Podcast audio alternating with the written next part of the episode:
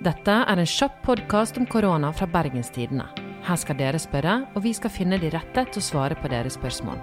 I dag er det tirsdag 24. mars. Mitt navn er Anna Magnus. Henrik Svanevik, produsent og kollega, hva er det folk eh, lurer på i dag? For mange i Norge så er vi nå inne i andre uken med pålagt hjemmekontor. Og eh, barnehagen er stengt, skole fortsatt stengt. Og for mange så begynner dette her å bli litt tøft nå. Så vi har rett og slett fått spørsmål om vi har noen gode tips og triks til hva de kan gjøre for å finne den gode arbeidsflyten på et hjemmekontor i et fullt hus.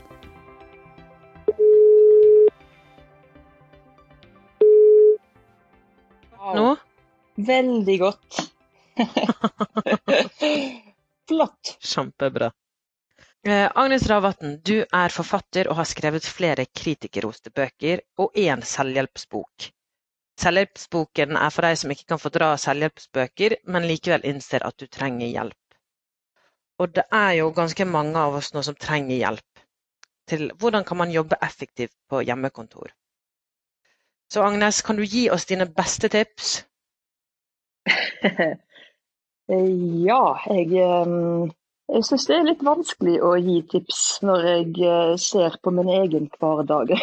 min egen nye hverdag nå. For jeg får jo ikke gjort så veldig mye, jeg heller. Så her går det nok tydelig, et tydelig skille mellom de som har barn og de som ikke har det. Så for de som, eh, som har hjemmekontor nå og ikke unger, så har jeg mange flotte tips. Et tips som jeg kan gjøre helt først på dagen, er å skrive en helt konkret liste over hva du skal gjøre den dagen.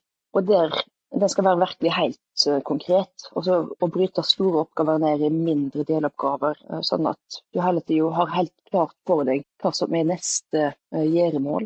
Og Så kan du stryke ut etter hvert som du fullfører oppgavene. Så får du en god mestringsfølelse. Trikset her er jo for det første å prøve å skrelle vekk så mange eh, distraksjoner som mulig for at du skal få klare å gjøre det du skal gjøre i løpet av dagen. Så er en sånn helt basic ting som jeg òg sjøl praktiserer, er å helst ha telefonen i et annet rom. Fordi en har jo, spesielt i disse tidene, så har en jo lyst til å sjekke nyheter hele tida, for det første. Og så har en jo det vanlige med sosiale medier og alt sånt. Alle sånne behov som melder seg idet arbeidet stopper litt opp, får du lyst til å sjekke et eller annet på nettet. Så hvis en legger telefonen i et annet rom, og gjerne, i den grad det er mulig, da, skrur av internett på maskinen, og veldig gjerne òg skru av push-varslinger. Hvis du gjør de tre tingene, så ligger du egentlig allerede ganske godt an til å få en god arbeidsøkt. Et annet tips er å prøve å jobbe i eh, bolker på en halvtime av gangen. For det er omtrent den eh, tida hjernen klarer å jobbe fokusert. Så det er veldig viktig å ta hyppige pauser og så legge inn en fem og ti minutters pause mellom hver halvtime. Ellers så blir arbeidsøktene fort litt mindre effektive enn hva de ellers ville vært. Så det er liksom å jobbe lengst i lengst mulige strekk, ikke noe stort poeng her. Det å prokrastinere det er jo eh, ganske normalt å gjøre både når man er på jobb og på hjemmekontor. I hvert fall har jeg det sånn. Har du noen gode tips til hvordan vi kan få bukt med det?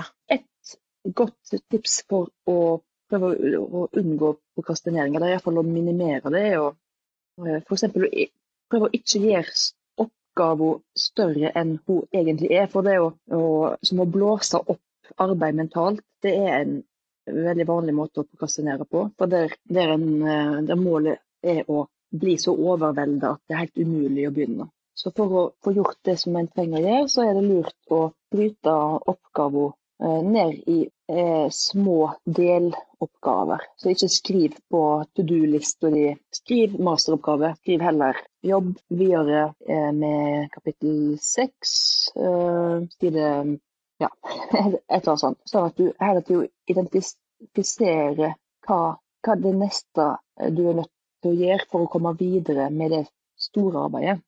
Og så er det uhyre viktig å fullføre ei oppgave før du går over til neste. Og, det å liksom hoppe litt mellom eh, ulike oppgaver for å gjøre arbeidet litt mer variert, sånn som jeg veldig ofte gjør, det er ekstremt lite effektivt. Så multitasking er katastrofalt egentlig for for arbeidet eh, veldig, veldig lite effektivt. En annen utfordring med hjemmekontor er jo at en faktisk plutselig befinner seg i umiddelbar nærhet til kjøleskapet sitt hele tida. Det er faktisk en ganske reell utfordring. For det er sånn at når vi sitter og jobber med noe som er litt vanskelig eller kjedelig, så, så blir hjernen tappa for eh, glukose. Og da kan det oppstå en sånn mental sultfølelse og et, eh, ja, en, veldig ofte en søthunger. Selv om du kanskje åt for en halvtime siden.